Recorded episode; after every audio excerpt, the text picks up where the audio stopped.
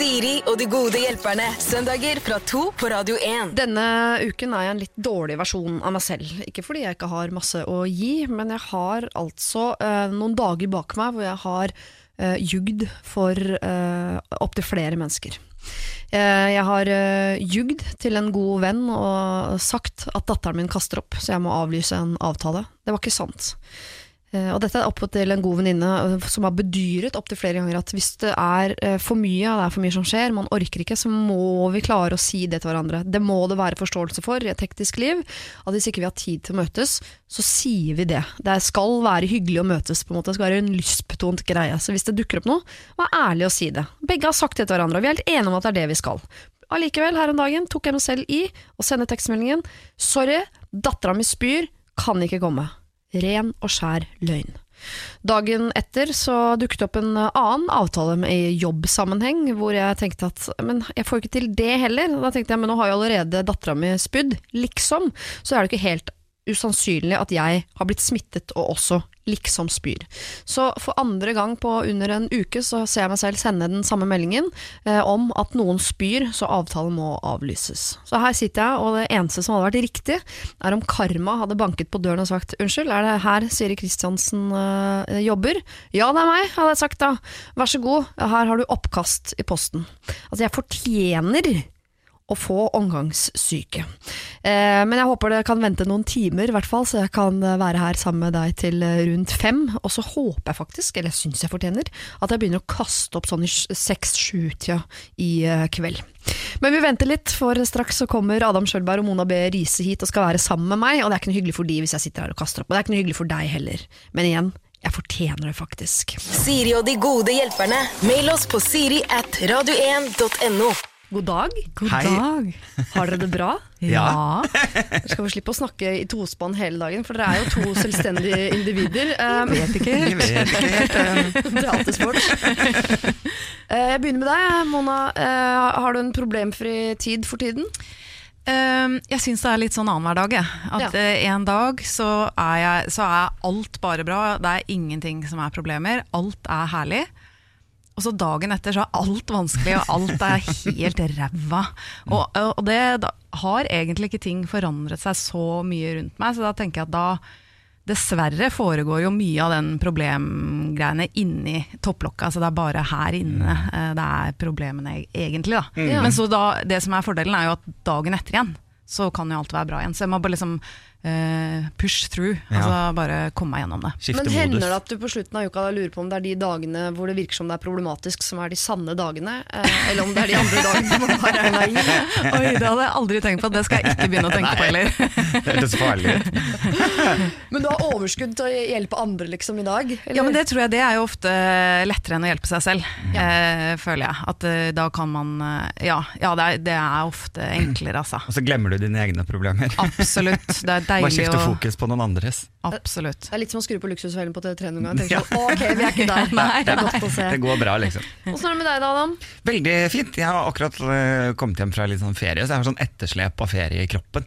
Så jeg også har litt sånn hard virkelighet å komme første dagen eh, på jobb etter ferie. Så eh, kjente jeg at å, ja, da ble jeg også liggende og tenke sånn problemer om kvelden. Ja. Eh, hodet gikk før jeg skulle sovne, og da var jeg tilbake i jobbmodus. Og når du sier ferie, da er det mange som tenker Gran Canaria, men det er ikke sånn type feriefyr du er. Oh, ja, nei, nei, nei, jeg har vært hjemme eh, i Nord-Norge. Nord-Norge er Norges Gran Canaria, eh, på en måte.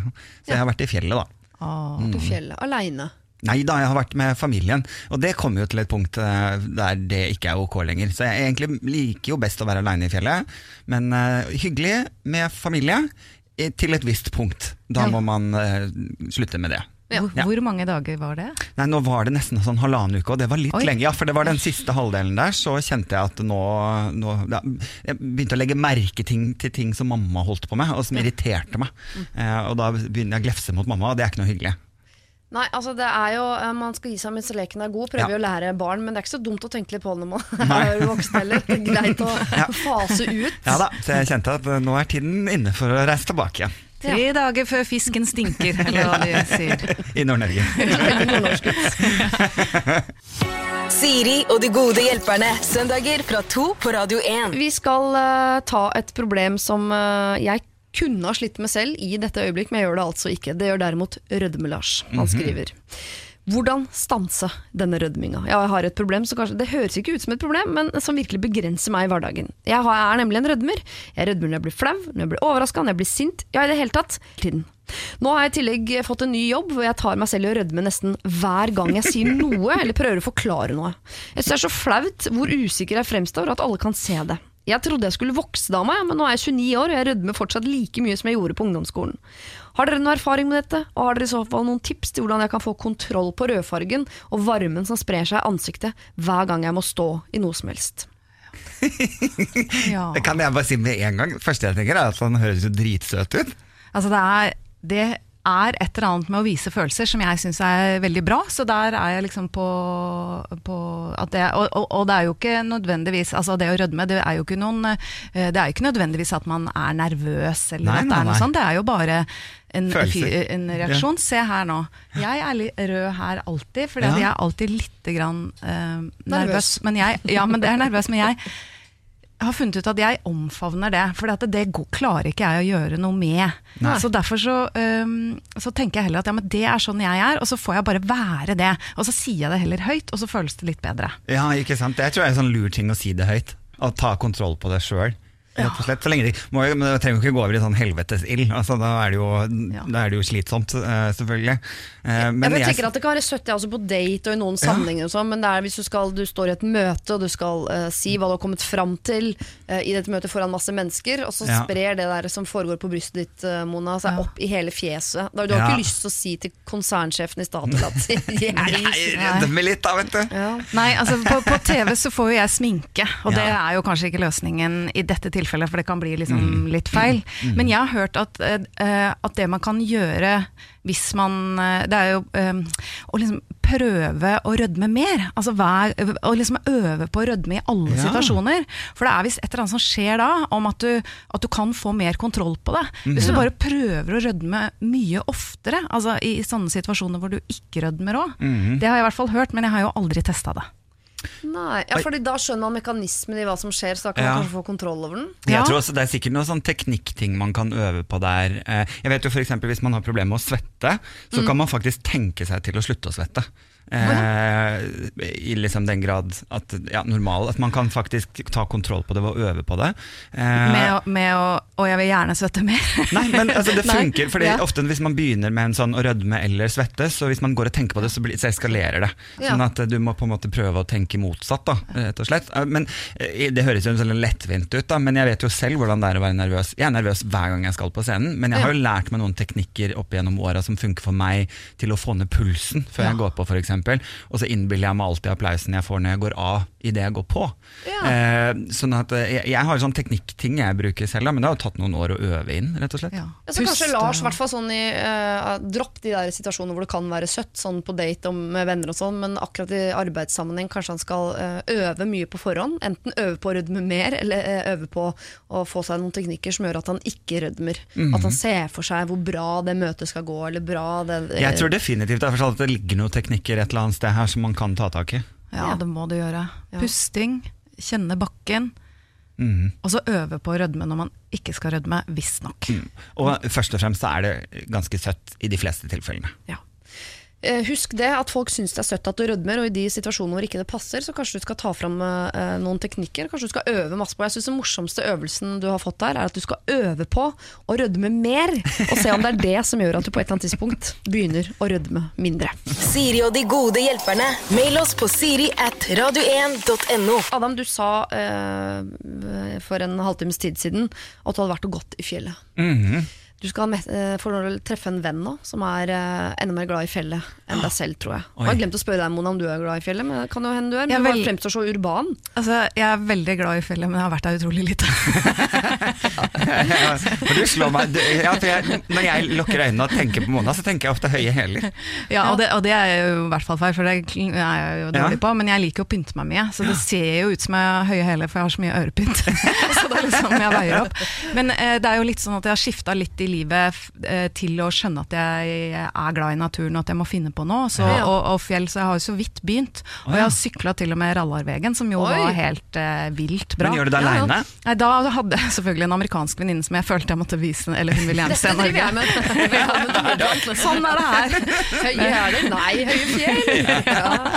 Så nå, nå er jeg litt sånn på Nå vil jeg liksom først eh, på biblioteket på Kolbotn, så leier det ut eh, telt, så da tenkte jeg at skulle jeg først låne da, før jeg kjøpte, Ja. og teste om det funker, for jeg gidder ikke bruke masse penger, for så er det over på en Men bare låne, du skal kjenne på følelsen av å ha teltet. Skal ikke bruke det. Skal bare låne det med deg hjem. Ha det liggende litt hjemme. Ha det hjemme. Eller så kan du gjøre som din uh, venn Anne Lindmo har jeg sett på Instagram, at hun legger seg bare under Nei, ikke en furu, men en gran. Ja. Mm. Og ja. sover under granbaren, hun. Å ja, Ja. ja. Det er next level, kanskje. Det er next level, tror jeg. Det tror jeg. Vi skal hjelpe en som heter Mikkel, som er veldig veldig glad i fjellet. Men nå har han jo også da truffet en jente som han er veldig veldig glad i. Og de to verdenene er litt vanskelig å få til å gå opp. Jeg er en gutt på 35 som har møtt drømmedama. Problemet er at jeg fra før har et liv jeg elsker, og som jeg ikke klarer å gi opp. Jeg driver ikke med noe ulovlig eller umoralsk, men i verste fall egoistisk. Jeg reiser mye. Og fjellklatring har blitt en lidenskap, og både all min fritid og etter hvert jobb sentreres rundt dette. Jeg bruker all fritiden min og alle pengene mine på dette, og jeg elsker det. Dama driver også med klatring, men ikke like intenst som meg. Og jeg vet at hun vil slå seg til ro. Hun er 37, og jeg vet at hun har lyst til å kjøpe seg leilighet, få barn osv. Jeg kan jo ikke frarøve henne det, men jeg vil ikke ha det livet. Ikke nå. Aldri.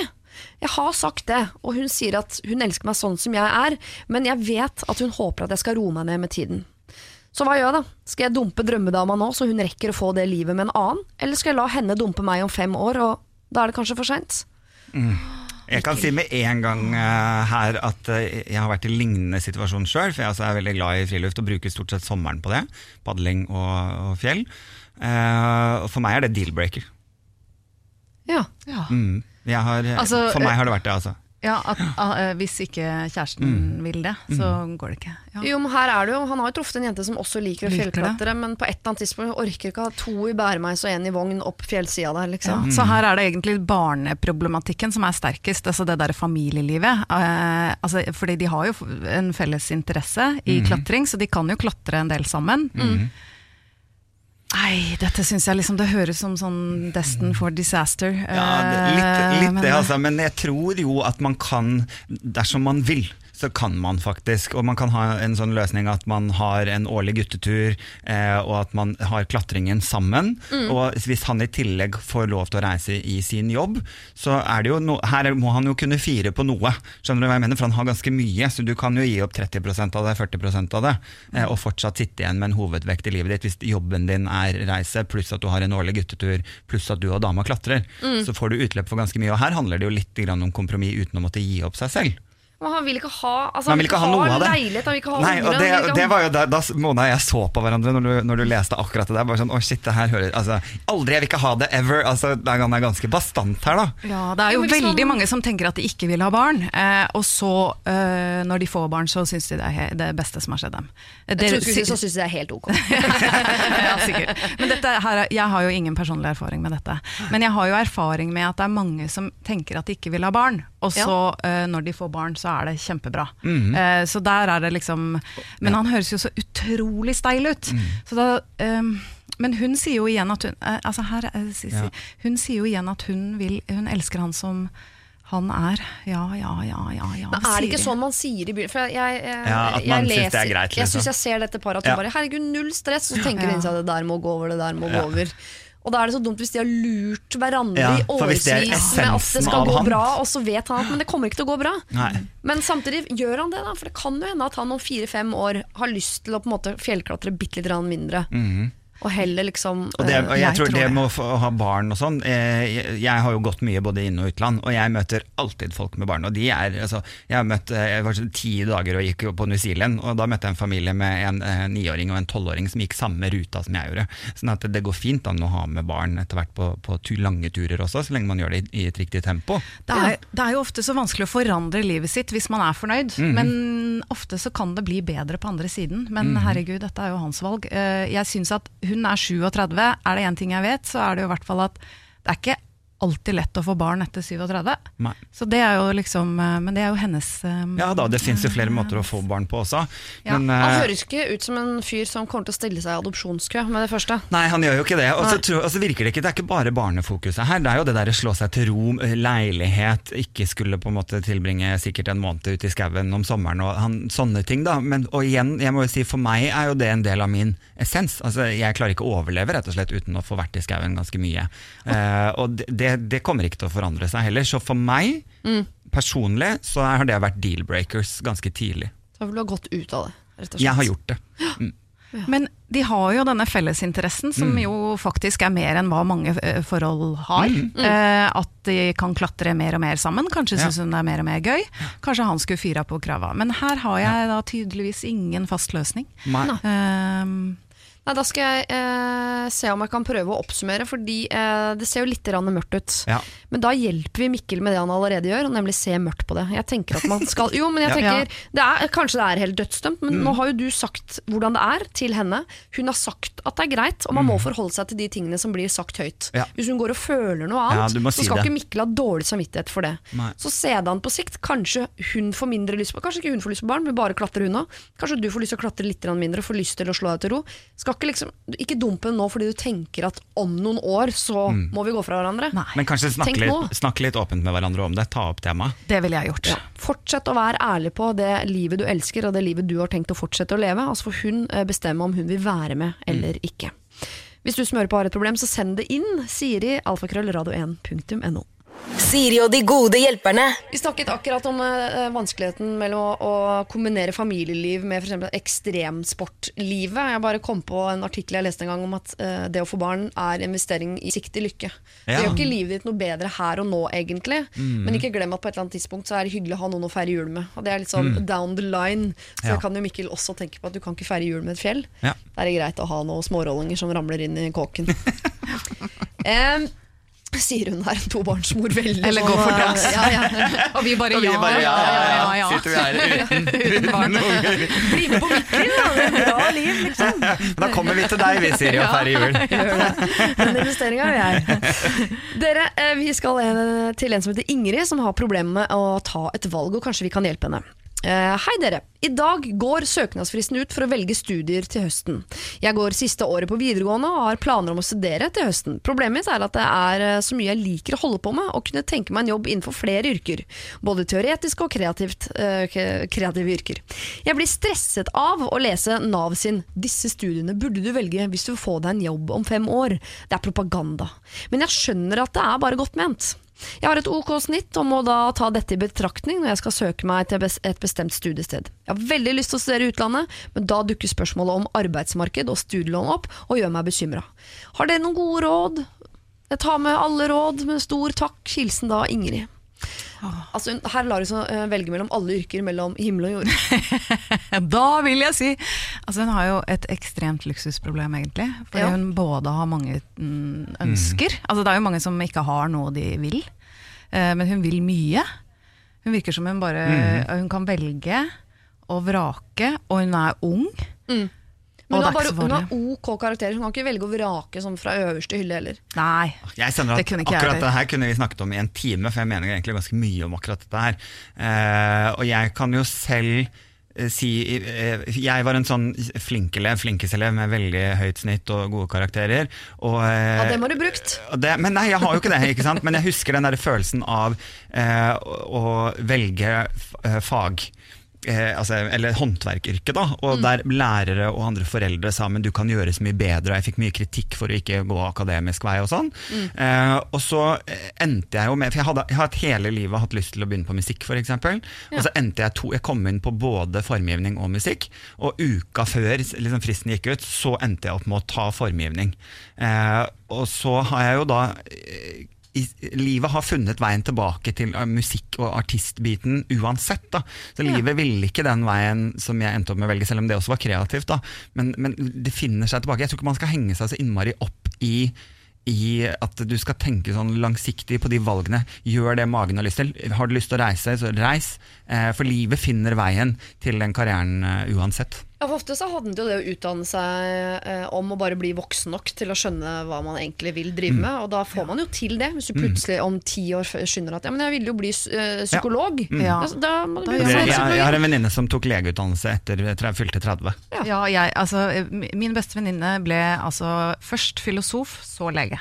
Nå er hun kreftlege. Ja. Ja. Det går bra. Mm. Men hun er litt eldre enn en del av Ja. sine Jo kollegaer. da, men allikevel, da. eh, Man skal ikke henge seg så innmari opp i det der. Arbeidslivet er langt, da. Ja, Kjedelig. det er som å være ferdig fysioterapeut, 23 år gammel, så vet du sånn. Og det er 100 år til jeg skal pensjonere meg. Det er bare å prøve å finne noe man har lyst til. Og hvis hun er redd for å dra til utlandet pga. lån og sånn, så altså Hvis hun bor hjemme nå, sånn, det vet vi jo ikke, men, men så kan hun jo liksom vente litt til hun finner det hun absolutt vil. For da kan hun dra til utlandet når hun vet at dette er et studie jeg gjerne vil på.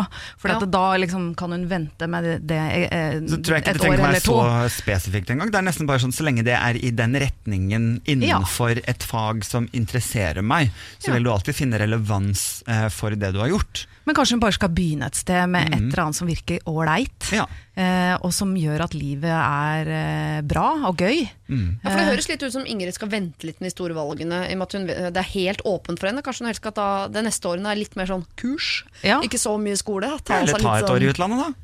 Ja, Gjør det nå, liksom. litt, Fordi jeg, Eller bare det- reise, for Ja. det gjorde jeg. Liksom. Jeg reiste jeg i Mellom-Amerika, satt på lasteplan og Ja, ja, ja, og kjempa for jo det. jordreform og ante ikke noe om det. Men det gjorde jo at jeg eh, begynte på statsvitenskap, som jo var helt feil. ja, ja. Og det finner man jo ut av. Veien Ja, blir litt sånn til mens man går, da. Det gjorde ingenting. Eh, og det vanskeligste er jo nå i voksen alder å bestemme seg for Jeg kjente jo på det at jeg bare sånn Shit, skulle jeg tatt et år i Australia? Men nå er jeg så voksen at jeg er så satt i de, den jobben jeg har. Sånn at, eh, at for meg føles det liksom vanskelig å skulle dra et år i utlandet nå. Jeg angrer jo på at jeg ikke gjorde det når jeg var noen og tyve. Ja, men Ja. du kan gjøre det nå, for det gjorde jo jeg, Ja, og det, er, det, er, det går helt Det fint. går det, og foreldrene mine også gjorde det. De flytta jo til, til Borneo i en alder av som nesten 60. Og ett av to steder i verden hvor det fortsatt er orangutanger. Er det sant? Ja, de kommer derfra, kommer orangutangene. Jeg har nesten ikke lyst til å oppleve noen steder av verden, men Borneo, dit vil jeg. Ja. Og der på Borneo så kan du være med på sånn eh, Du kan jobbe i sånn skole Fordi de brenner jo altså, eh, Nesten to tredjedeler er jo blitt eh, palmeplantasjer av Borneo. Så det er veldig mange foreldreløse orangutanger der nå. Ja. Eh, og de samler de inn, og så kan du være lærer på en sånn skole og lære de til å gå tilbake og bli ville i naturen igjen. Og lære de ting. Siri. Og det man gjør da, da går man, får man en orangutangbaby blant annet, som du skal gå og bære på. Så går du gjennom en sånn løype i skauen der de legger ut noe som ligner på en slange, og da må du hoppe og hyle og sånn. Den formen er vi redd for! Den skal, da skal du klatre i trærne, liksom. Så må du vise, da.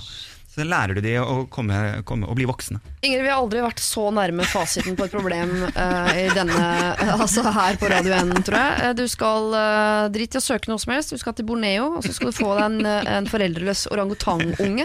Og så skal du sørge for å lære den at slanger er farlig og banan er godt. Mm.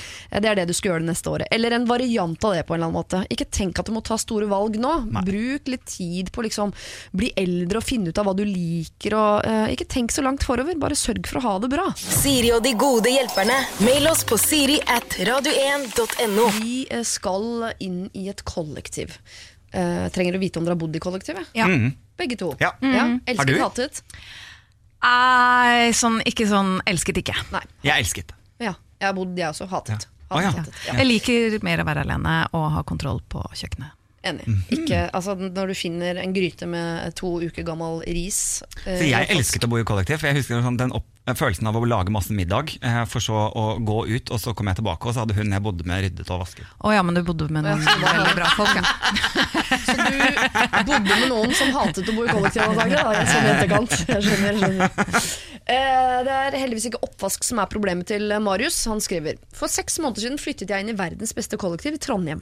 Vi er totalt fire stykker i leiligheten, og vi kommer godt overens. Både husarbeid og sosiale går på skinner.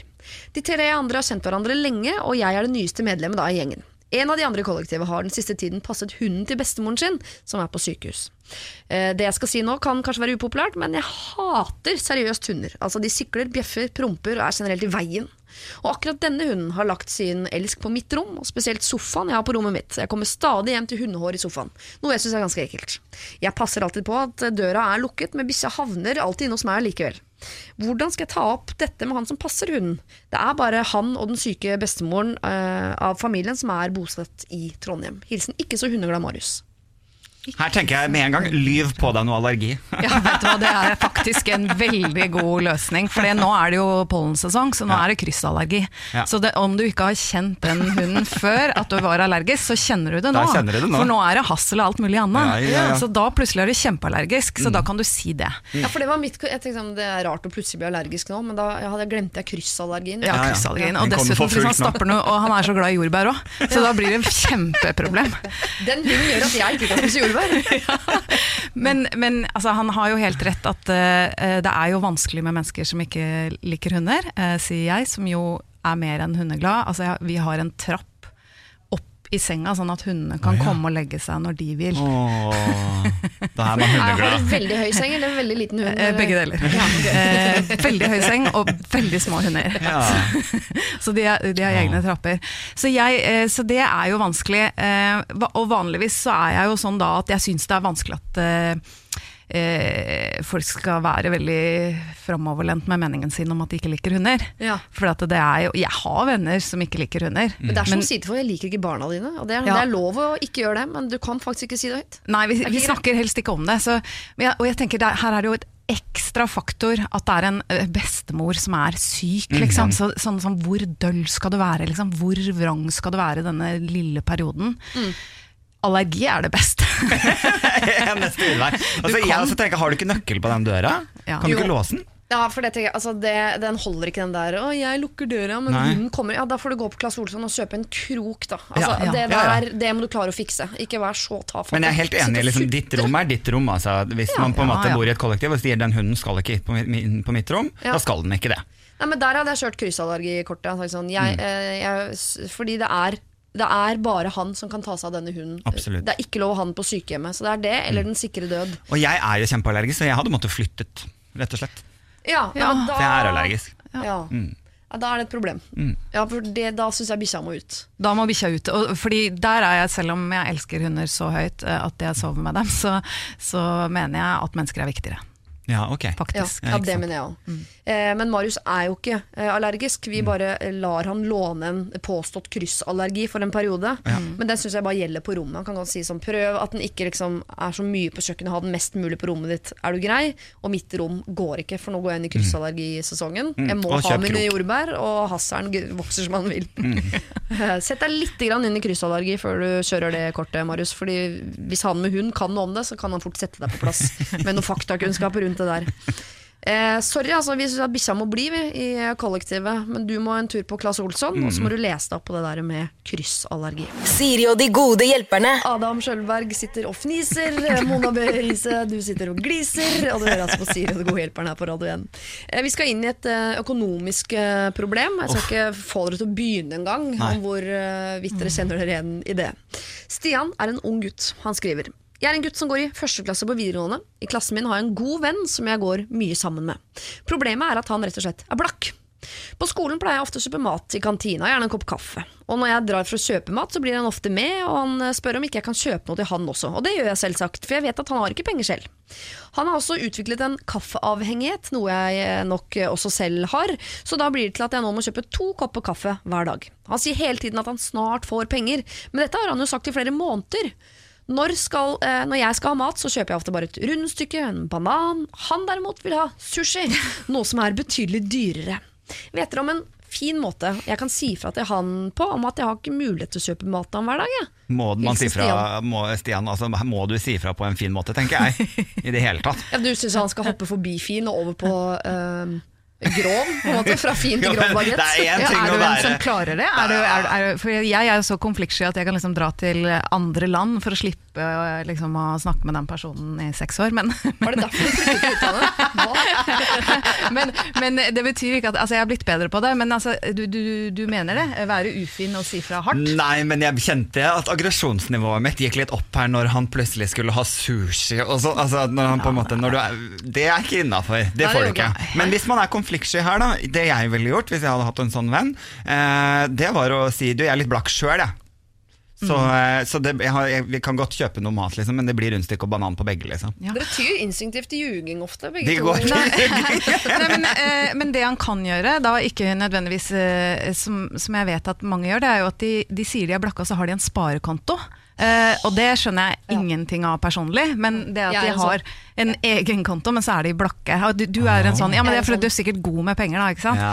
Men, og det kan jo hende faktisk at denne sushivennen eh, er en sånn en. Det hadde jo vært greit å vite. Men ellers så kan det jo faktisk være, hva heter han vår venn nå, han snille? Stian. Snille Stian. Mhm. Eh, han kunne jo begynt å spare til noe han vil, eh, gjerne, og så da har han litt mindre penger. Ja. Og da er det vanskelig Da slipper man å å si lyve. Da slipper han å lyve. Da kan han si jeg har faktisk litt lite penger nå. Eh, jeg tror ikke jeg kan kjøpe sushi til deg- Og så kunne han jo tatt med kaffe på termos, liksom. Det også tenkte jeg. Ta med kaffe i termokopp, liksom. Eller Ja. De går i første klasse på videregående skole. Da er Ja, det eh, status å gå rundt med det pappkruset. Ja, det er sant. Man kan få kjøpt det faktisk på Søstrene Grene. Veldig fine sånne kaffe. kaffegrus. Masse sånne Krus. kaffekopper. Ja, sånn i, i papp. Men, eh, men det som er fint med Stian, det er jo at han deler.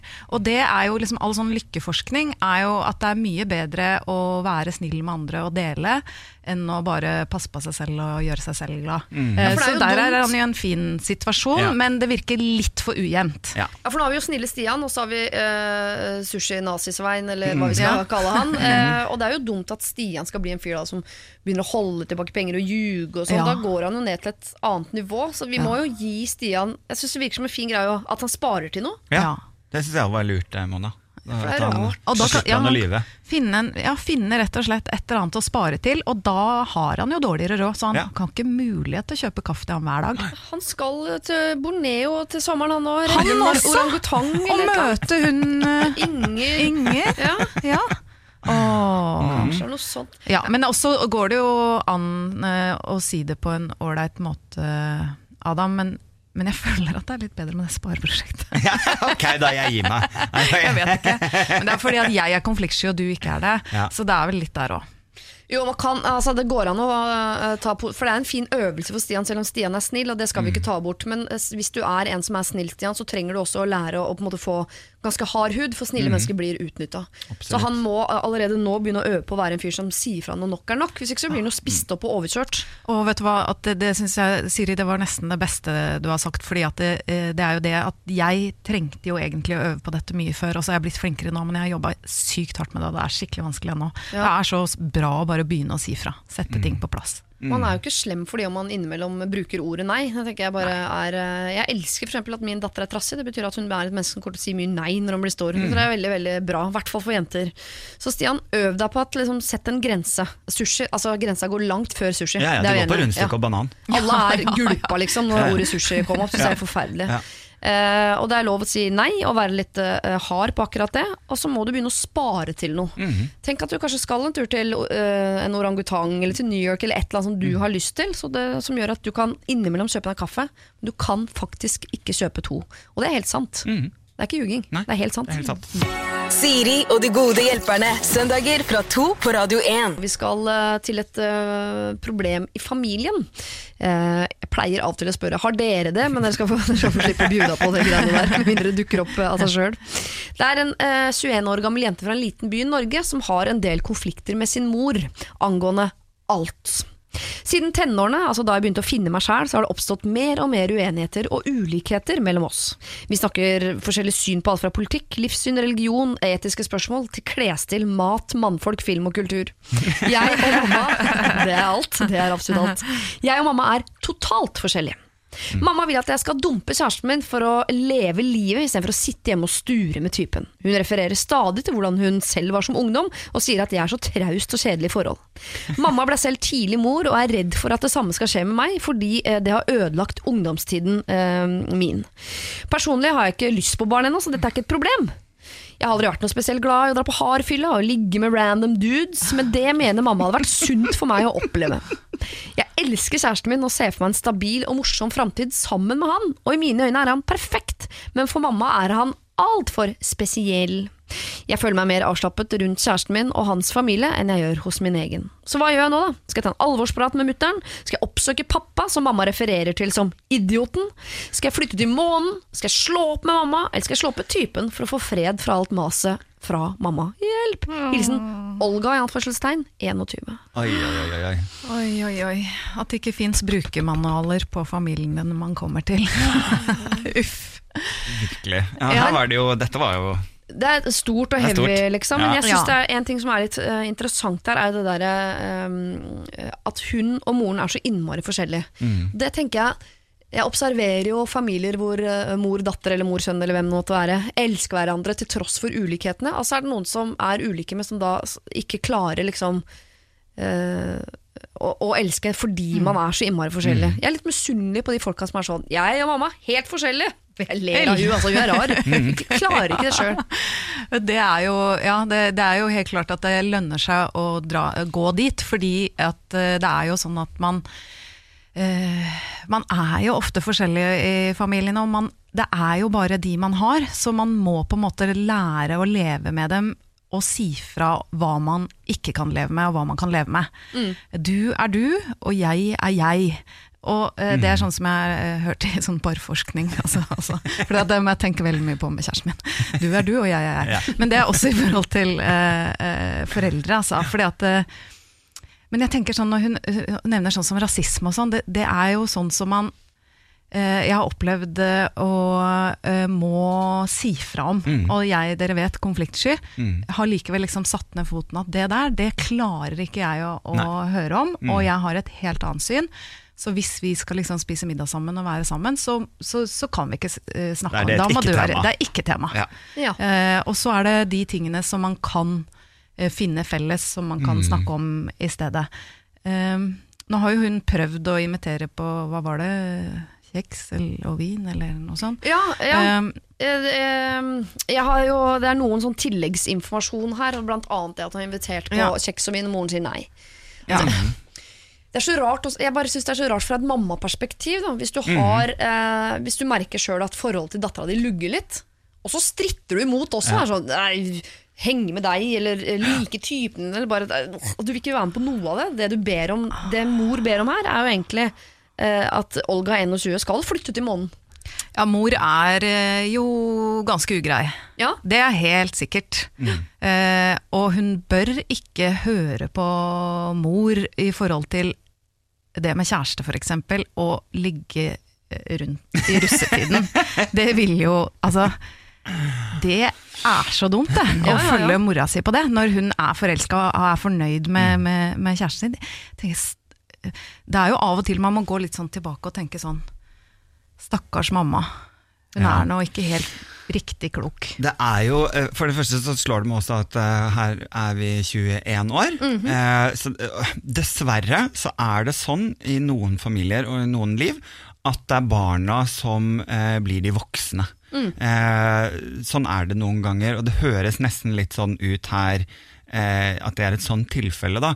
Og dette høres antageligvis ut som noe som er veldig vanskelig, men selv om det er familie, så må man faktisk finne eh, sin måte å få det til å fungere på. Og for meg så høres det nesten litt ut som at her må du kanskje eh, begrense litt eh, den involveringen du ønsker å ha selv. Ja. Det kan være, høres veldig vanskelig ut når du er 21 år, men det å, å skape bitte litt avstand kan ofte styrke noen ganger. Dette høres veldig komplisert ut, men, eh, i hvert fall når man er 21, men, men man må selv velge den graden av kontakt man skal ha for å ha det bra. Rett og slett. Så er, det er også helt ok å velge litt distanse noen ganger. Så der hvor Olga sier at hun gjerne vil flytte til månen, så kan man på en eller annen måte Ja, ikke- gjøre det, men uten fysisk å Ja, gjøre det det. Men skape den måneavstanden ja. selv om man bor i en bitte liten by. At man må sette noen grenser der. Mm. Ja. Vi skal ta en runde til på dette her eh, straks, eh, folkens. For hun spør jo helt sånn konkret hva hun skal gjøre også. Om hun skal eh, droppe moren sin, som jeg mener er et helt reelt alternativ. Om hun skal ta opp kontakt med pappaen sin, som hun ikke har så mye kontakt med, virker det som. Som kanskje er en fyr hun føler seg mye nærmere, at det er noe der å hente. Mm. og vi skal gå litt inn i de alternativene hun eh, skisserer. Siri og de gode hjelperne. Søndager fra to på Radio 1. Vi er midt i et problem her i Siri og de gode hjelperne, og det er det en som kaller seg for Olga som har sendt inn. Hun er bare 21 år gammel og bor på et lite sted i Norge, eh, og har en mor som hun er uenig i, eh, med i absolutt alt, fra store etiske spørsmål til mat og mannfolk. Olga har en kjæreste som mor vil at hun skal dumpe, For mor mener at Olga skal leve livet, gå ut og ligge med random dudes, men pass på å ikke bli gravid, jenta mi, for det ble jeg, og det ødela hele min ungdom. Som også er en forferdelig ting å si til barnet sitt. Du herpa livet mitt, dattera mi. Ja, ja. Skal det være mer vin i glasset, liksom? Veldig spesiell eh, stil, hun mora di. Men eh, hun har også en far som ikke har så mye kontakt eh, med. Han kalles bare for Idioten hjemme hos dem. Uh, og, uh, Olga lurer på skal jeg oppsøke han, skal jeg flytte til månen, skal jeg uh, slå opp med typen for, så mamma slutter å mase på at jeg skal nettopp det, eller skal jeg slå opp med mamma? Så er- hun skisserer noen veier å gå her. Slå opp med mamma, slå opp med typen, oppsøke pappa, oppsøke månen.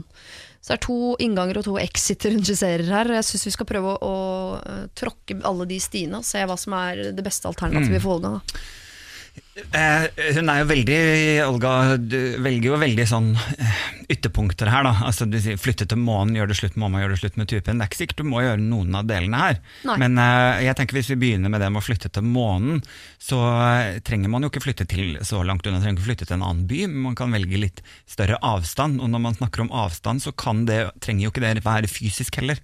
Nei. Kan være litt At du bare har litt distanse der, tror jeg kunne vært sunt. Det høres ut som at eh, det hadde man hatt litt sånn godt av. Ja, for hun er jo bare 21, og det der blir jo bare lettere og lettere. Når man blir Ja. eh, større, så kan man selv velge å begrense den tiden man tilbringer med mennesker man ikke uh, egentlig har lyst til å være så mye sammen med. Men hvis du er 21 år, og det sier hun ikke noe om, men antakeligvis kanskje bor hjemme, er det, det er jo mor in the face Ja. hele tiden. Kan man velge å flytte sammen med kjæresten sin, da? Ja, da hadde mor blitt uh, skikkelig glad. Det Jo, men her ja. ligger det, altså, ikke sant? Her kan vi, vi kan ikke legge på at moren skal være den voksne, for det, det er hun jo tydeligvis ikke, ifølge denne her. Så det er det jeg også sier der, noen ganger må barna være de voksne. Og, det, hun, og det høres veldig tungt og vanskelig ut når man er 21, men 21 er også helt riktig alder å flytte hjemmefra på, hvis du bor hjemme da. Ja. Og i hvert fall det jeg, ja, det er jo noe som man, eh, jeg lærte da jeg ble voksen. eh, det var eh, at jeg Når var det igjen? Ja, det var i går. I går, ja. Eh, at jeg måtte ta ansvar for min egen lykke, eller jeg måtte ta ansvar for, for å ha det bra, for det var på en måte ingen andre som på en måte tar ansvar Nei. for det. Og da er det jo det, hva er det som gjør meg glad? Det virker som det er kjæresten, og ikke være så mye sammen med moren. Ja. Hvis hun klarer å finne noen referansepunkter som gjør noen ting de faktisk liker sammen. Altså om, om det fins, det virker, virket jo nesten ikke sånn, men det kan jo hende. Og særlig hvis man har litt avstand, så kanskje man husker ja, men jeg liker jo liksom å spise fårikål med mamma, det syns jeg er greit. Ja. Um, Og det kan Også- man glemme når man bor midt oppe der, for det kan nok hende at avstand her er bra, både mental avstand, at, man, at man også kan sette seg selv litt sånn på utsiden og tenke sånn åh, sånn er mamma, ja ja, hun får holde på, det er ikke mitt liv, jeg er glad i de tingene jeg gjør. At hun eh, distanserer seg, men at hun også flytter hvis hun bor hjemme, som tenker jeg kan flytte, og, og ikke når hun har funnet en kjæreste som både liker godt og føler seg veldig lik, så, så må hun jo være med han og ikke drive og Det er ikke noe viktig å ligge rundt. Nei, absolutt ikke. Det er veldig rart å skulle dumpe en fyr du er glad i for å dra og ligge med folk du ikke liker, for det syns mamma at altså, Det høres helt Jeg har aldri hørt om hva, Det er veldig, det som hun er heldig med nå, på en måte, altså det, det er dumt å si heldig altså, men, men dette er jo gode historier. Dette er jo sånn det blir bøker og Ja. film og TV av. For ellers så, det er jo egen sjanger på Netflix som er dysfunctional families. Og her kommer det liksom rett inn med sånn, ikke nå når hun er 21, men når hun uh, får det på avstand, så kanskje det kan Kanskje komme noe godt ut av det. bestselger, eh, bestselger ut av det da. ferdig manus var Ja, ja, sendt til ja. Hollywood. Ja. Og så, og så er det det Siri og de som gode eh, hjelperne. Mail oss på siri at ta, eh, radio1.no. Ja. Eh, Idioten. idioten som man blir kalt. eh, Det kan hende at Olga og idioten har masse til felles, selv om han er henne. idiot. Han er, det er jo Sånn ikke er det sikkert han er idiot. Absolutt. eh, I hvert fall sånn som moren virker, så er det jo veldig usikkert om han er idiot. Og det kan hun vel kanskje finne ut selv Ja. om han er. Fordi alle er jo dessverre litt idioter, så det kan jo hende han er litt idiot, men det kan jo hende han har noen fine ting som hun syns er hyggelig å, Absolutt. å, å, å, å høre. Kanskje de har likt syn på politikk, livssyn, religion, etiske spørsmål, klesstil, mat, mannfolk, film og kultur? En av de tingene burde jo burde være noe å snakke om. Du kan jo ikke ha ramla milevis fra begge eplestammene, liksom. Et eller annet sted må det Det, det kan jo skje, Det òg. Men jeg tenker her, hvis, uh, i og med at dette er eh, noe hun tar opp, skal jeg kontakte pappa, så betyr det at et eller annet sted inni hjertet ditt, uh, Olga, så, så har du tenkt tanken. Og da tror jeg at det blir vanskelig for deg å leve et helt liv uten å gjøre det. Så hvis hjertet ditt har en liten tanke om skal jeg ta kontakt med pappa, så gjør det, heller for å avskrive det senere. Eller, eh, eller gjør det hvis hjertet ditt er i nærheten av den tanken, så bare gjør det. ja. Og du må få lov å gjøre dine feil, Olga. Det er ikke sant fordi mora di syns sjøl at du gikk på en smell for mange år siden. Så altså, du må jo få lov til å gjøre dine ting. Mhm. Du skal jo ikke lære av det moren din har gjort. Ja, så eh, Hva syns vi at du skal gjøre? Vi syns eh, Du skal oppsøke pappaen din hvis du har lyst til det. Se om dere har noen fellespunkter i livene deres. Mm. vi syns eh, du på en måte skal flytte til månen, eh, og da mener vi flytte ut hvis du bor eh, hjemme og har muligheten til det. Men i hvert fall flytt mentalt litt ut. Flytt deg litt i avstand fra moren din. eh, ta og Få litt space inn i livet ditt, og eh, begrens moren din i en periode. Du skal absolutt ikke slå opp med moren din, igjen bare få litt avstand. Og du skal ikke slå opp med typen din heller for å få fred fra maset fra mamma. Så der har du noen ting å jobbe med framover, eh, Olga. Siri og de gode hjelperne. Vi skal i et utdrikningslag, og jeg spør som jeg ofte gjør, er det noe dere eh, har varme følelser rundt, eller litt off? Jeg er jo ikke gift. Er, er, dere er gift begge to? Ja, gift. Nei, ikke gift. Nei? Men jeg tenker mer sånn vært i syns jeg er gøy, liksom. Ja, At ja, folk ja. går Ja. trusa si, Jeg har aldri gått eh, på ski nedover Karl Johan eh, i sånn utdrikningslag. Nei. Eh, ikke noe stripper heller. Nei, så jeg har egentlig vært i sånn det. veldig sånne sobre utdrikningslag. Ja. Som bare er litt gøyale. Vi lærer kanskje noe noe salsa eller noe afrikansk dans, da, for å skeie ut, liksom. Crazy venninnegjeng. Helt gæren Ja. venninnegjeng. Gærne jenter. Ja. Jeg tenker Det er noen ting i livet som bare skal være gøy eh, i nuet, som for alle Ja. andre er idiotisk. Og det er Russetida er ikke noe gøy, alle andre rundt syns at dere er idioter. Eh, og utdrikningslag det er også det er gøy når du holder på, for alle andre rundt idioter. Men jeg føler at sånn, den type sånn utdritningslag, da, at det, det er, for meg er en sånn myte. Jeg tror ikke jeg kjenner noen jeg som har vært på eller hatt noe sånt nå. Altså, er, ikke det veldig sånn old school måte å gjøre utdrikningslag på? Jo da, men de fins. Jeg har begynt for, foran Slottet jeg og spiser Simon som er festa med sikkerhetsnål foran tissen til fremmede menn. Altså det der greiene sånt Er det sant? Jeg Har det, ja. Folk gjør det? Ja, jeg har stått inne på i musikkbutikk og dansa til Michael Jackson. Jeg har, vært på det der eh, utdrikningslaget. Og det er jo gøy, men hadde jeg det vært gøy? en som bare gikk forbi for jeg skulle kjøpe meg bukse på Carlings, la oss si at jeg skulle det, og sett denne gjengen, så hadde jeg tenkt sånn åh, Jesus. Men det er jo så man skal huske det. Det er jo det at fort de der salsafestene jeg har vært på, altså det går i ett. Ja. Jeg husker ikke forskjell på et eneste utdrikningslag. Mens hvis du spiser Simon fra liksom eh, fremmede folk, pungeregionen til fremmede folk, så husker man det på en måte. Ja. Så det er jo litt ålreit. Det fester Ja, det de beste utdrikningslagene jeg har vært på, har vært eh, sånn, de, de hyggelige. Skjønner du? Altså, Ja. og selvfølgelig, ja, man skal gjøre noe som er litt utenom det vanlige. det. Massasje, Nei, spa ja, ja, ja, kan være hva som helst. Hvis det jeg, det, jeg bare sier fra på nasjonal radio. Jeg skal ikke ha så kjedelig utdrikningslag. skal ikke ha hvis jeg noen. Men, Men dere tar med dere tanken på at det skal jo være noe man skal huske. Ja. Dette utrykningslaget. Ja, ja, ja. Mm. For her er det en som skriver. Jeg skal i et utdrikningslag om noen uker. Mhm. Jenta som skal gifte seg er en venninne av min forlovede. Altså dette er ikke, de er ikke nære venninner i utgangspunktet, men fordi hun skal i bryllupet, så må hun også i utdrikningslaget. Jeg kjenner jo ikke hennes venner, men hun har sagt til meg at hun håper og at hun forventer noe sykt bra opplegg. Problemet er at planen for dette utdrikningslaget er følgende. Frokost, rebus i byen, dette vet jeg at hun ikke vil. En pause midt på dagen, med andre ord alle går hvert til sitt, og så et vors på kvelden. Skal jeg si ifra til hennes venner at uh, dette kommer hun til å bli skuffa over? Uh, for hun, hun er den første som gifter seg i denne gjengen. Altså Her er det en eh, ekstravenninne utenpå som står og Ja. observerer for henne og sier dette kommer hun ikke til å like. Nei. Skal jeg, gå, skal jeg ta grep? ja, Ja, det helt skal klart. man. Her skal man ta grep. Men skal du da gå inn som hun eneste som ikke kjenner folk og si sånn Si sånn, nei. Folkens, dette er ikke bra. Oi, ja, akkurat det er jo litt vanskelig når man er den utenfor-personen, men, øh, men jeg, jeg tror nok jeg ville hinta fram noe her, altså. Jeg ville tenkt sånn eh, skal vi ikke ha en sånn hyggelig sånn eh, hvor vi, vi forbereder dette utdrikningslaget, hvor vi blir litt kjent og tenker litt mer og har litt drodling? Ja. Kan Ja. man gjøre det sånn? Ja. Altså Litt mer sånn koselig, liksom. Ta Ja, et glass sant? vin og møtes en gang før dette utdrikningslaget? Der alle kan Nei, liksom kanskje det er litt. far-fetched. Ja, det er noen uker til utdrikningslaget, så skal du i tillegg sette ja, en fredag er eller lørdag til å treffe Nei. Hva med å si sånn Jeg har en liten ting jeg så innmari gjerne hadde lyst til å f- få gjort for henne. Ja. Eh, og så komme på den veldig kule ideen hvor hun må hoppe inn fallskjerm. Nei! Jeg kjenner tilfeldigvis en kortvokst som driver med sjonglering. Kunne ikke det vært noe? Har ikke det vært artig?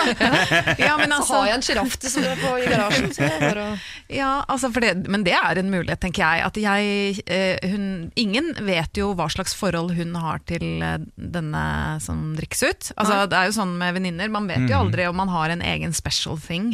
Eh, så det kan hun alltid ljuge på seg. Eh, at de altså, har en eller annen greie med Ja, men med salsa, da! crazy! Noen er crazy her i dag. Jo, for Hun skisserer jo at hun kan uh, ta kontakt med forlover og si sånn Ja. Step up the game, liksom. Hun har lyst på noe bra opplegg. Eh, Ja. Skilles midt på dagen for å ta en pause. Er ikke bra opplegg. Altså, det, er, Det er ingen som skal pause i et utdrikningslag. Det er. Det er i den hun kan jo også gå til bruden og si sånn Jeg lurer på om hun skal ta en liten prat med forloverne. For det er, hun er ikke helt Nei, for på skal være hemmelig. Det skal være hemmelig. Mm. Så det blir skikkelig vanskelig, føler jeg. Og hvis hun gjør det, og det er hemmelig, så blir det veldig vanskelig. Jo, hun kan si sånn, Du vet jo at du skal ha et utdrikningslag på et eller ja, annet sånn, tidspunkt. ja, sånn, ja. jeg lurer Ja, det er på om sant. du skal snakke med forloveren din og være Ja. litt tydeligere på at du Ønsker deg et skikkelig opplegg. Ja. Ja, Ja. det går an kanskje. Ja, det var ikke så dumt. Eller så, ja, det, eller å liksom ha en skikkelig god idé, da. Ikke liksom blame noen for at de har dårlige ideer og sånn, men bare si at i den pausen, hva med at vi heller gjør Mm. blåseballonger? Kuppe pausen. Salsa. Ja, kuppe pausen. Hun kupper pausen. Fordi ja. pause, folk blir så trøtte. Ja. Folk, eh, liksom Hele flyten blir borte. Kuppe pausen, gjør noe gøy da. Mm. Ja. Nå er det pause, men for dere som har lyst, så har jeg booka et salsalokale nede i gata der. Og jeg Der står Mona. Jeg kjenner en salsainstruktør, sebra har jeg booka, og det er noe Her kan vi få på noe Ja, for Det var min første tanke det der, jeg, hadde, jeg hadde kuppa de, jeg hadde bedt om å få hvilke klokkeslett er det den pausen er, og så hadde jeg bare funnet på noe Altså Jeg hadde tatt med meg brura og bare dratt, liksom. Men det er selvfølgelig den egoistiske veien. Man burde jo inkludert resten av laget hvis man har lyst. Ja. Uh, For Hun skal jo være sammen med disse jentene en hel kveld og Ja, ja. helt bryllup, så det er greit hvis de syns at innsender her er et ok menneske. ja, det hadde ikke jeg vært så opptatt av. Men, Ikke konfliktsky. nei, definitivt ikke. Her har du noen valg. Du kan ringe bruden og hinte om at hun kanskje burde være tydeligere overfor forlover. Eh, Du kan snakke med forlover, men du kan også gå inn som jeg synes virker som det beste og morsomste å gjøre, og kuppe pausen og fylle den med ting som du vet at bruden og resten av dette følget kommer til å elske. Da blir du hun morsomme som har redda dagen, og så kommer forloveren til å bli sur, da. Men, men. Men, men. Det får gå, da. Det får gå. Siri og de gode hjelperne. Dere, vi skal til et problem eh, som altså Vi har hatt en del sånn eh, Skal jeg få meg unger? og- Altså det, Vi har hatt bryllup og noen problemer som ikke dere nødvendigvis liksom har kjent sånn hardt på kroppen. Og vi skal nok inn i et til av de der. Oi, oi, oi. Men dette, jeg kan bekrefte at dette skjer. Eh, men det er også noen som opplever det motsatte. Et veldig kort problem fra Selma. Hei dere, jeg er gravid. Jeg har aldri vært mer kåt. Kjæresten min derimot har aldri vært så lite interessert. Han syns det er rart og er litt redd for å treffe babyen, selv om vi vet at det er umulig. Altså. Men hva gjør jeg da? Selma. Her lurer jeg på om dere skal få lov til å starte. Altså, dette har jeg jo ikke kjent på selv, Nei? Nei. men jeg har hørt om det. Eh, Jeg tenker bare sånn først, fordi at jeg ikke kan noe om dette, så tenker jeg sånn Å ja, men jeg skjønner han li- lite Du skjønner han litt? eh, grann. eh. Ja. Ja. Eh, Fordi at det, hvis man liksom bare ser baby, Ja. og så kanskje han har hatt forventninger om at det liksom, nå blir det ikke noe særlig. Fordi at det tror jeg nok mange tror, at det liksom ikke blir noe av. Han gleda seg til den pausen, han. Ja, så- litt den pausen. Nei, men han er liksom innstilt Ja, ja. på at nå er det bare liksom familie, og liksom vi skal bli tre, og dette er babyen som er der, og hør, nå sparker han, eller hva, eller hva Ja. man driver med, da. Det er veldig litt sånn lite fokus på Ja. sex. Men eh, så siden hun er så kaut, Ja. Eh, Det har jeg jo også hørt eh, eh, at Jeg har jo mange venninner som har barn, at det kan skje. For det er jo mye hormoner og strømmer blod, og det er liksom fantastisk tid, så han går på en måte glipp av noe. Mhm. Så det er jo Og hun går jo glipp av noe. Så. Så, så jeg tenker at det hadde jo vært fint hvis han, hvis han kunne skjønt at det ikke var farlig, eller hadde kommet ut av den det, uh, dette er ikke en eh, kropp og min kjære, sånn- dette er en babybærer. At de må ta en Ja. prat med en lege så han får det Ja. fra en sånn fagperson. Ja, kanskje det. Ja. Eh, og så kanskje gå på sånn kurs hvor de For jeg har sett sånn, det er veldig mange som legger ut sånne bilder på Insta, så det har jeg sett nå at de eh, Mariann Surferosa så jeg, for eksempel. At man liksom sitter man går på sånn kurs for å liksom bli sånn glad i magen og jeg, jeg vet ikke, men det er et eller annet Nå begynner Siri å svette. Men, vet ikke. Men at han liksom kan få både, ja, som du sa, Ja. Adam, fra en lege, få vite litt mer fakta. Ja. Og så liksom skjønne at dette er jo en kjempevill, bra uh, mulighet sånn når det gjelder seksuelt. Ja, Ja. dette er en gøyal Eh, tid, rett og slett. Og dessuten så har jeg jo også hørt mye fra venninnene mine at uh, oi, de er jo ikke interessert i det sex i det hele tatt etterpå, for da er det jo bare liksom Det Ja. er jo et åpent sår, og og er ting bare er siste sjanse på, til å få forsyne seg fra kakeboksen på en god stund. måte. Jo, men det er jo det er vanskelig å, å ta tak i dette problemet uten å liksom falle inn i de typiske båsene sånn at det er menn som er de kåte og kvinnene ikke og sånn. Men eh, vi bare, det er i hvert fall i dette problemet så fremstiller Selma det som at vanligvis er hun ikke så kåt, nå er hun kåtere enn ellers. ikke sant? Eh, jeg bare ser for meg at mannen til Selma også syns at det han syns er litt sånn alien oppi dette her, er ikke bare den babyen, men at Selma plutselig har blitt et sånn kåt vesen. Det vil jeg synes var litt rart. At plutselig uh, endret karakter. Og at føler jeg sånn, ja, men det er, jo, er det du som er kåt, Selma? Eller styres du fra en annen planet? Ja. Eller, for nå kjenner jeg deg ikke igjen. Du pleier jo ikke å, du pleier jo ikke å, å, å ta tak i utstyret mitt midt under liksom, Skavlan. og- Altså, hvem er du nå? Ja. Er det bare personlige erfaringer her? Ja, hva gjør man med det? Lyd fra hjernen, lyd fra hjernen. Så jeg tror kanskje synes at det er litt skummelt. At hun har øh, forandret personligheten så innmari på det der. Ja, Må man gå til parterapi og snakke om det, da? Eller hvordan, gjør man, hvordan får man han til å synes at det er ålreit? Kanskje man i hvert fall skal tone Ikke, frem, ikke være sånn øh, Å, jeg må ha veldig nå. på sånn Ja. kåt monster. Jeg det er litt sånn turnoff. Hvis jeg ser at en mann er for kåt, så blir jeg sånn åh, kan ikke bare være litt sånn vanlig? Ligge og kose er, litt, og så jeg, smyge det er vanskelig å komme med råd her i min virkelighet, som Ja. på en måte altså, ikke ja, Dette er veldig langt borte fra noe jeg klarer å sette meg inn i det hele tatt. Det her er sånn Men man eksempel for meg. Kvinner og menn de skal ikke være sammen, det er menn og menn som skal være sammen. Dette her er helt opplagt. Men, eh, men, eh, men hva med å gi ham bind for øynene? Jeg vil hjelpe deg, for det verken ser at hun er kåt eller at hun har stor mage. Ja, det kan jo være gøyalt. Eh, ja, det er da man liksom tar fram sånne uh, Ja, litt sånne gøyale ting. Fifty Shades-aktig. Ja. Ja, kanskje spille litt ja, det føltes veldig ubehagelig å binde Ja, fast en gravid kvinne. Så Det hadde føltes mye. litt rart. Ja. Nei, jeg vet ikke. Det er uh, tydeligvis ikke mange, men ingen veier til Rom her. på en eller annen måte For jeg, jeg, Selv om vi har noe som han ikke vil gi, og det stakkars han ikke vet, er at jeg sier ikke at de ikke kommer til å ligge sammen etter at dette barnet kommer, men ikke sånn med en gang. Nei, det, det nei, tror det jeg tar jeg litt kan slå fast. Burde Ja. gjøre han kanskje litt oppmerksom på at dette er en vidunderlig tid. da. Ja. Og at det, også at han skjønner det at det ikke er farlig. Altså. Ja. Eh, At han virkelig Men der skjønner trenger det, han at det er kanskje en prat med en fagperson, som på en måte forklarer at det, dette, Ja. dette, Dette går gøy. bra. Ja, dette, Dette går gøy. bra. Ja. Få, fram en, få en lege til å forklare eh, typen din at dette er ikke farlig. Om det er en uh, online-lege eller en kompislege eller hva det nå er. Eller den gamle videoer av Trond-Viggo eller hva du måtte bruke. Liksom, så finn en eller annen som kan uh, bekrefte at det er ikke farlig. Og så tror jeg selv altså, du skal tenke litt grann på om du har forandret liksom, måten du angriper det på. For hvis han er vant til at det er han som er the hunter og du er the fox, liksom, Ja. så må han få fortsette. Så da må du lage noe roleplay eller et eller annet sånn at, han får lov til å få tilbake sin gamle rolle. Som den som måtte, eh, legger deg i gulvet, eller åssen dere holdt på før, det veit Ja. ikke jeg. Hvis han syns det er kjempebra, ta han i toeren istedenfor. Slipper du å tenke på at den babyen ser noe som helst. Ja, så smyger Adam inn en lite ekstra eh, råd på slutten der. Det kan du også gjøre, selvfølgelig. Siri og de gode hjelperne. Eh, Vi skal over til eh, dagens siste problem her i Siri og de gode hjelperne, som er Mona B. Riise og Adam Schjølberg. Vi skal inn i gamingbransjen. Nå har vi allerede snakket om det å være kåt og gravid, det å skulle være et utdrikningslag, vi har beveget oss inn i verdener vi eh, ikke nødvendigvis kan så mye om. Gaming, dere, er det eh, kjent territorium, eller er vi på tynn is her òg? ja, is. Ja. kan jeg ingenting om. Har, har, jeg, har, jeg tror nesten ikke Jeg har, jeg har kanskje prøvd én gang å spille dataspill. Jeg spilte, jeg altså, husker fetteren min hadde sånn uh, Nintendo. Ja, Eh, altså, det spilte jeg, sånn Super Mario. Portable, liksom? ja, Jeg har spilt Nei, Nei, på skjerm. boks. Ja, ja. Svær boks. Ja. Donkey Kong. Ja. Jeg vet ikke om det telles i dag engang, skjønner du, som Nei, det gaming. fins ikke gaming. Nei, nei altså jeg, eller det er ikke helt sant, fordi jeg har jo bodd sammen med en mann i veldig mange år som jeg også hadde en periode med, med en del spilling, faktisk. Så jeg har opplevd det, altså. Men det er egentlig den kunnskapen vi trenger, Ja. for her er det ikke selve eh, det å spille vi trenger kunnskap om, men det å være sammen med en som spiller for mye. For Karoline er nemlig det. Hun skriver Hei, kjæresten min og jeg har vært sammen i en del år. Vi har det bra, men den siste tiden har det gått litt halvveis med oss. Noe av grunnen er fordi han har blitt helt frelst av gamingspillet Fortnite. Kort fortalt er dette et spill hvor man kjemper om å være den siste overlevende av 100 andre livespillere fra hele verden. Litt som Hunger Games, bare som PlayStation-spill.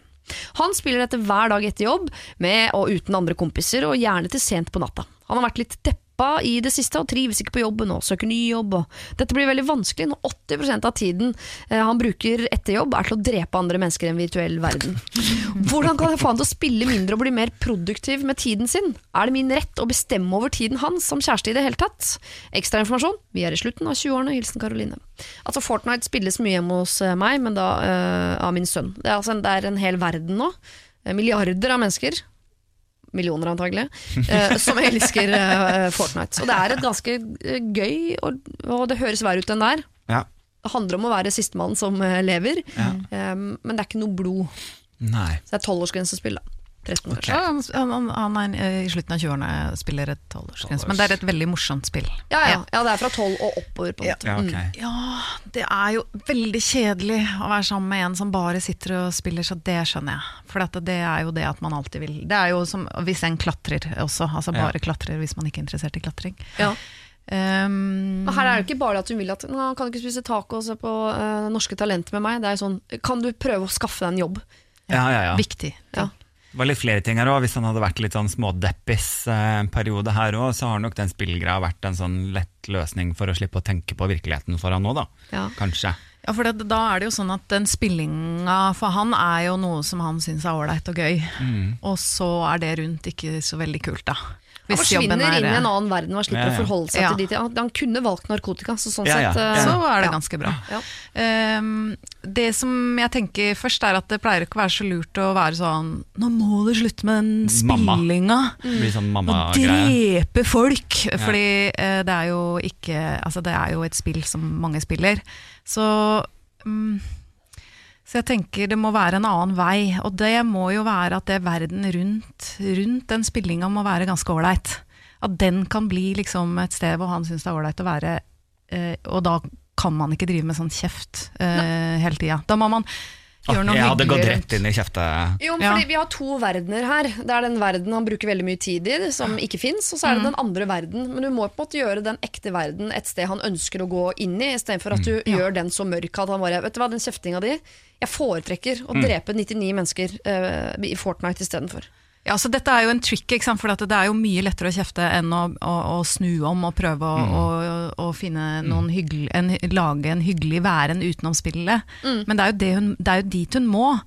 Og så tror jeg kanskje at hun ikke skal tenke at spillet er skikkelig dumt og helt ute, og sånn, men at hun heller kanskje viser litt sånn hyggelig interesse, eller? Er, er det Altså et eller annet med at Fordi han trives jo med det, så liksom kanskje Ja, at man ikke bare er sånn moralsk fordømmende, i hvert fall. Ja. Sønnen min sa det. vet du hva, ma- vet du Noe av det beste jeg vet, mamma. Vet du hva det er? Nei. Det er når du sitter ved siden av meg når jeg spiller, og så stiller du masse spørsmål om Fortnite som er helt dumme spørsmål. Det er så gøy når du sitter og gjør det. Så jeg gjør at jeg sitter ved siden av og sier sånn Hvorfor kan den fly? Han bare stiller jeg helt random spørsmål, sitter han og svarer. Da føler han at jeg er litt interessert i hans verden. Ja, men det, dette kan man gjøre, tror jeg, også med en voksen person. Ja. Fordi at dette er jo noe han bruker mye tid på, så han syns jo det er såpass viktig. At da er det litt hyggelig at Se, Adam ser nå bare helt altså, Jeg skjønner nå at dette føles litt som en sånn psykologisk rollespill, men jeg tror siden han er i en situasjon hvor ting ikke er så Ja. veldig bra, så er det kanskje er det akkurat kanskje nå at hun skal Akkurat nå hun skal prøve å være liksom den eh, litt sånn mer terapeuten. Ja. Eh, og så mm, eh, Ikke kjefte som Adam ville gjort, for du hadde gått rett på kjefting. Adam. Altså, jeg kjenner jo bare sånn, vet du, Hvis jeg måtte behandla min eh, partner eh, som en liten gutt, eh, og sånn det der Ja. Nei, det, Rett ut av vinduet med det gamet. Altså, jeg husker Pappa kom inn på soverommet mitt og sa nå må du skru av den musikken. Tredje gangen han kom inn og sa nå må du skru av den musikken, så sa han ingenting. Han bare pælma hele dritten ut av vinduet. Det hadde jeg gjort. Pælme hele Altså Du mener at Karoline her skal pælme ut eh, PlayStation? Nei, jeg syns overhodet ikke hun skal gjøre det. Jeg hadde gjort det, men jeg syns jo ikke hun skal gjøre det. Jeg også tenker litt sånn som Mona sier, at han, har jo, han er i en litt sånn sårbar periode her. Så Ja. det viktigste her er nok kanskje at hun rett og slett nå finner litt sympati i hjertet sitt, og engasjerer seg litt, og går inn den der litt sånn psykologiske veien, da. eh, Og prøver å hjelpe han eh, å være der for han, for det virker jo som han er er i en tøff periode. Jeg hadde ikke klart det, det skal jeg være 100% ærlig på. Jeg hadde revet ut kontakten, pælma det ut av vinduet. Veit ikke om han har klart det heller, men hvis du gir det på en måte en, sånt, eh, en, en em, time limit, da, altså Ja. sånn at det liksom sier at ok, nå prøver jeg dette en, jeg vet ikke, er en uke nok? Um, prøve en uke eller to da, og, sette, og si at det, det, det for, forholdet er verdt det, han er verdt det. Ja. La oss se om vi kan få han til å spille litt mindre, han må selvfølgelig ikke slutte å spille. Spille litt mindre, bruke mer tid på å øh, søke jobb og være sammen med meg, og se at det fins noe der ute som også er gøy å gjøre. Nå skal jeg si hva jeg eh, Jeg skal i hvert fall late som hva jeg ville ha gjort. Ja. Eh, Selv om jeg også antageligvis hadde pælma det ut av vinduet, skal jeg innrømme det. Men eh, hva jeg la, skal late som et lite øyeblikk. Jeg ville gått inn sagt sånn eh, eh, Vært nysgjerrig på spillet, satt meg ned, og så ved et ledig øyeblikk sagt sånn Jeg er litt bekymra for Det virker ikke som du har det bra eh, i denne ekte verden vi lever i. Det er dumt. Du må jo skaffe deg en jobb du liker, osv. Og, så og det skal jeg veldig gjerne hjelpe deg med. Så nå spiller du Kan vi bli enige om at du spiller fire runder, og så går vi ut og så ser vi litt på noe jobbgreier, og så kan du få spille fire runder igjen. Det er sånn man snakker til barn. Altså, men likevel så må man av og til bare Ja, ta en for laget på det der, og hjelpe han. Ja, Hvis man vil være i dette forholdet, så Ja, er det veien å gå. Altså, helt klart. Jeg Men jeg kjenner at eh, aggresjonsnivået mitt er allerede oppe. Jeg, jeg kjenner at jeg, har- jeg, har lyst til å reise meg opp og stå litt, for jeg blei svett. Det kan du, du kan få reise deg og stå litt, eh, Adam, for straks så skal vi eh, dele ut noen handlenett her i Siri og de gode hjelperne. Men jeg vil bare si deg, Karoline, prøv den pedagogiske veien inn i dette, som eh, jo Mona og jeg har skissert. Ja, ja, Eh, Og klarer du det ikke, så eh, er det full forståelse her blant oss, Ja. hvis det er noe som forsvinner ut av vinduet. Siri og de gode hjelperne. Adam Schjølberg og Mona Levin hadde jeg lyst til å si nå. Jeg sa jo det for noen timer siden at det kunne hende at det uh, ramla ut et Mona Levin i løpet av dagen i dag. Mona B. Riise er det som er her som god hjelper. Eh, jeg skal jo da sende ut noen handlenett. Det gjør jeg hver eneste eh, søndag til de som har fått eh, råd. Og i dag er det altså da Rødme-Lars, som sliter mye med rødming. Det har vi sagt at han bare må bli glad i, den rødminga. Og øve på å rødme mer, og dermed få kontroll over det. Og potensielt at det blir mindre av det på sikt. Det er et grep vi har hørt om. Eh, Mikkel er glad i fjellet. Nå har han møtt drømmedama, og han er klarer altså ikke å velge om han skal legge bort eh, fjellivsstilen sin for å slå seg til ro med drømmedama. Ingrid lurer på hva hun skal velge å bli når hun blir eh, stor. Hun sendte vi til Borneo. Hun skal ikke bli stor i det hele tatt. Hun skal hjelpe foreldreløse orangutanger med å eh, kunne bli store på egen hånd. Marius bor i et kollektiv i Trondheim eh, hvor en av de andre passer på en hund for sin syke bestemor. Eh, Han har plutselig fått kryssallergi, mm. så den hunden kan få være i bokollektivet, men ikke inne på rommet til eh, Marius. Så har vi da eh, Stian, og du må kjøpe deg noen sånne eh, nøkkelgreier fra Claes Olsson. Det er ikke en sponsorat fra min side, det er bare Claes Olsson som eh, dukker opp. Stian eh, lurer på om han må kjøpe sushi til kompisen som er blakk, når han selv kjøper bagett og banan. Det skal du på ingen måte gjøre. Du skal begynne å spare penger til et eller annet du har virkelig lyst til. F.eks. reise til Borneo og hjelpe foreldreløse orangutanger. Eh, Olga eh, passer ikke inn i sin egen familie, i hvert fall ikke sammen med sin mor. De er helt forskjellige, og hun lurer på om hun må flytte til månen. Og det må du, eh, lite grann. Ikke helt til månen, men du må gi deg selv litt space i forhold til din egen eh, mor. Så har vi da denne ekstra ekstravenninnen som skal i et utdrikningslag, som hun på forhånd vet at eh, kommer til å bli mye kjedeligere enn det brura ønsker. Jeg lurer på om hun skal eh, si ifra, rett og slett. Her har vi bedt ham å kuppe pausen og fylle den med salsa og alt som er gøy. Som er crazy. Høres ut som den gamle gjengen. Herregud. Selma er veldig, veldig kåt, eh, og også gravid. Eh, Typen er ikke så mottakelig for eh, hennes eh, bjuderi i denne fasen.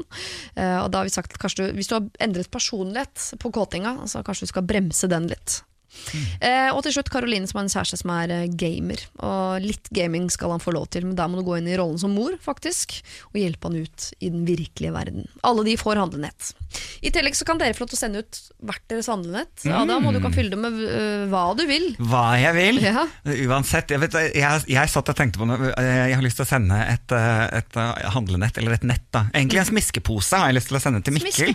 Mikkel som vil på fjelltur, tenkte jeg han burde jo vært sammen med meg. Så jeg, jeg tenkte å sende Mikkel Han kan få en sånn smiskepose med masse sånn fjellutstyr og noen fine billetter til Nord-Norge. Og så legger jeg meg selv oppi den, eh, det handlenettet og sender det til Mikkel.